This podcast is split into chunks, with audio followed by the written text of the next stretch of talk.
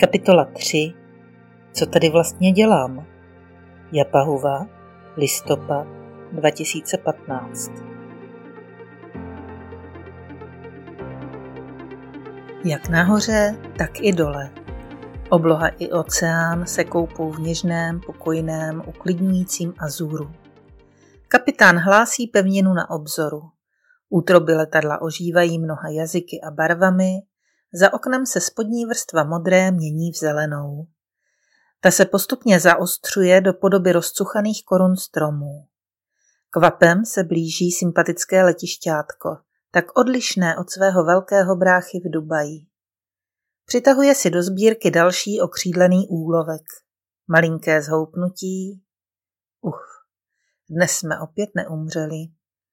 Necelá hodinka formalit, během níž průběžně odkládáme bundy, mikiny a odepínáme spodní část nohavic. S konečnou platností dávám zapravdu pravidlu sandály si na dno batohu zabalí jen idiot nebo já. Objevuje se Asanka. V pestré směsici pasažérů poznal bez větších problémů ty, s nimiž vede už pěkných pár týdnů čilou korespondenci o kulturních a přírodních klenotech Šrí Lanky. Asi 25-letý štíhlý a usměvavý mladík na nás působí důvěryhodně. Vzájemně se představujeme a během pár minut okupujeme zadní sedadlo jeho útulného, příjemně vychlazeného vozu. Jedeme kamsi na sever. Snažím se vylovit z paměti, co máme na první den naplánováno. Doufám, že jen hotel. Tělo je rozlámané, mysl znavená a neklidná, postel v klimatizovaném pokoji by vůbec nebyla marná. Nevím, čím to je, snad únavou, ale nejsem z to vyrovnat se s dopravním chaosem tam venku. Asanka řídí mnohem svižněji, než je dle mého soudu rozumné a žádoucí. A v protisměru. Ty vole, kam to jedeš? Tady se jezdí vlevo i na kruháči, víš? Laskavý hlas sice mluví ke mně, ve skutečnosti se Lea omluvně usmívá na šoféra.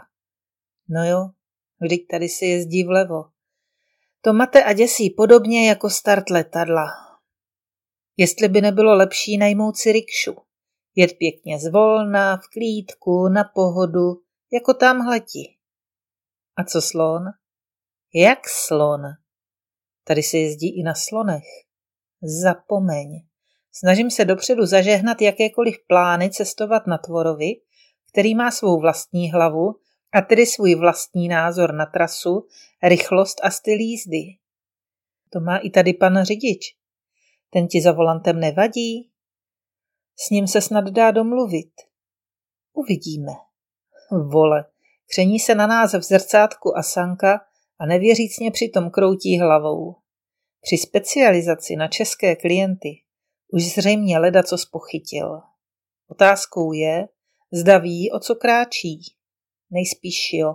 I'm sorry. Jezdit vlevo je pro mě very crazy. Opětuju úsměv a trochu křečovitě dodávám.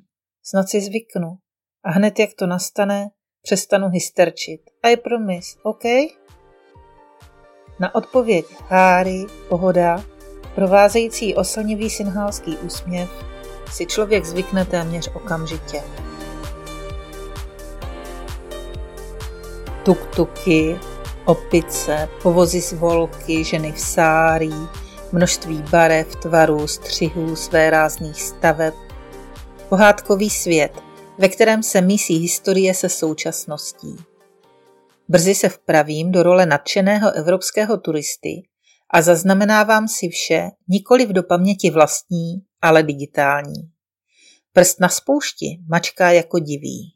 Pomalu čekám, kdy se na fotoaparátu otevřou ta malá tajemná dvířka a objeví se legendární pračetův trpajzlík s námitkou, že mu došla růžová. Nemilosrdně se připomíná základní myšlenka této expedice. Plně využít každičkou minutu našeho pobytu.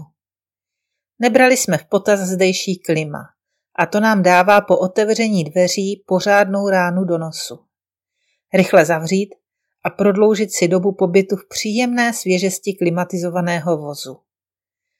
Hotel ještě nehrozí. Sen o chladivém pokojíku, sprše a posteli se smutně rozplývá. Před námi se místo něj tyčí monumentální skála Japahuva. Nemůžeme popojet blíž a prohlídnout si ji z auta? Ne. Pevnost se nachází v prudkém svahu a vůz tam zkrátka nevyjede. Kromě toho se jedná o posvátné místo. Člověk na ně nemá přístup ani ve vlastních botách, natož v plechovce na kolečkách. Po vzoru místních se zouváme a procházíme kolem malého chrámu a stůpy. O kousek dál míjíme sochu Budhy, chráněnou zářivě žlutým slunečníkem a zdobenou barevnými květy. Pod ním se míhají bosé ženy v bílých šatech a uklízí prostor okolo. Přicházíme ke kamenným zdobeným schodům. Něčím mi připomínají ty, které vedou na mexické pyramidy.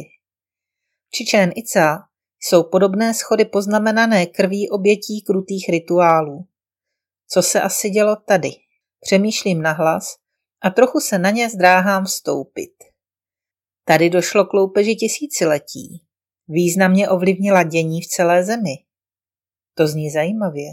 Povídej.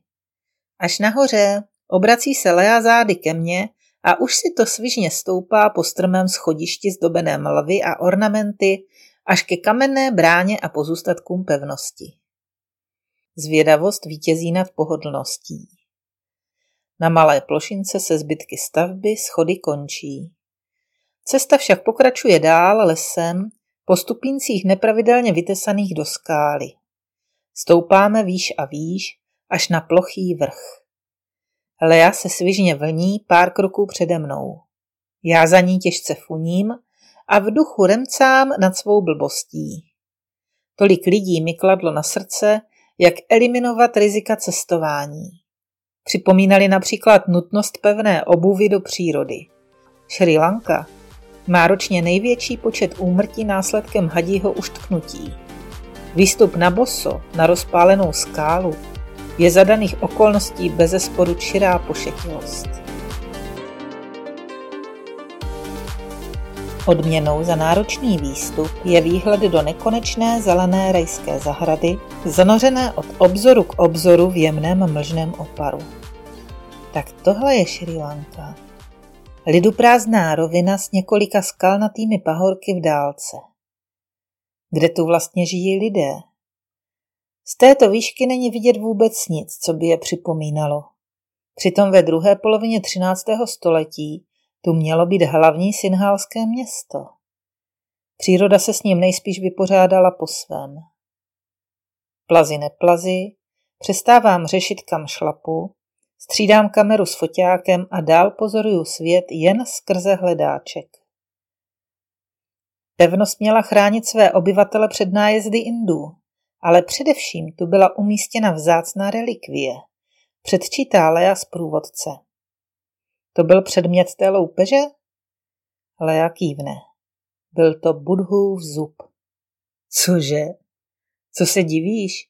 Křesťané taky uctívají svaté ostatky. To je fakt. Panuje přesvědčení, že kdo vlastní zub, má právo vládnout celému ostrovu. Proto se ho kde kdo snažil ukrást pro sebe. Podařilo se to Indům. Místní samozřejmě vyvinuli maximální úsilí, aby svůj poklad získali zpět. Nakonec se ho dokázali zmocnit, ale král už jim nedůvěřoval a rozhodl, že ho umístí na bezpečnější místo. Kam? Do chrámu Budhova Zubu v dalším bývalém hlavním městě v Kendi. Zvláštní název pro chrám. Vůbec ve mně války o zub, který kdo si ukradl už z Budhovy pohřební hranice, a který pak za nejrůznějších dramatických okolností několikrát změnil majitele, vyvolávají spíš představu pirátu z Karibiku, než úctu k posvátnému artefaktu.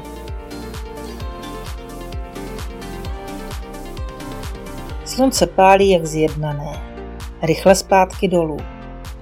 Jeskyně pod skálou sobě ukrývá malý buddhistický chrám. Máme štěstí, je otevřený a poskytuje neodolatelný chládek. Chvíli posedíme. Pár minut pro meditaci přibrzdí čas na příjemně pomalé obrátky. Není kam spěchat. Jsme přece na dovolené. Klidnou mysl narušuje potřeba zaujmout správnou pozici. Sedět by se mělo na polštáři, který sebou překvapivě nemám. Nohy skřížit do lotosu tak, aby se kolena dotýkala podlahy. Hezký oči. Narovnat záda, bradu mírně přitáhnout ke krku, dlaně do pozice kosmické modry, ramena přirozeně svěsit, pohled udržet asi metr před tělem a pomalu, přirozeně, klidně a silně dýchat. A nemyslet. Jo, znám to už téměř na spaměť, ale v praxi silně pokulhávám, takže je mi to v podstatě k ničemu. Ale meditace nemá být k něčemu, pamatuješ? Protože tu ve skutečnosti není nic. Nic k nalezení, ani k uchopení, nic, o čem by se mělo meditovat. Připomíná mi Lea slova jednoho mistra. Hele, zkus to jinak. Kdykoliv se objeví myšlenka, řekni si, je to jen myšlení, není to realita. Protože teď přece sedíš na zemi, v příjemném, osvěžujícím chládku malého chrámu, v naprostém klidu. To je to, co se právě děje. Všechno ostatní je jen myšlení. Mídlová bublina. Cvrkneš do ní a ona se rozprskne. Dobrá tedy. Sleduju déšť mídlových bublin obsahujících myšlenky na to, co doma, co v práci, co v letadle, co Lea, jak zítra. A pilně cvrnkám. Tohle všechno je jen myšlení. Odříkávám si poslušně. Nic víc než myšlení. Tohle všechno se v tuto chvíli děje jen v mé hlavě. Cvrnk. Nikam nespěchám. Čeká mě nádherná exotická dovolená. Cvrnk. Obraz zeleného horizontu a modrého nebe. To je sice beze slov, ale i pouhé představy jsou myšlení. Cvrnk. Co si počkat na realitu a teď vnímat jen tuto jeskyni, její atmosféru, zvláštní zvuky, svůj dech, sílu tohoto okamžiku. Cvrnk. Bolest skřížených nohou. No jo, konečně autentický pocit přítomnosti. Muka. Tady a teď. Nedá se to vydržet.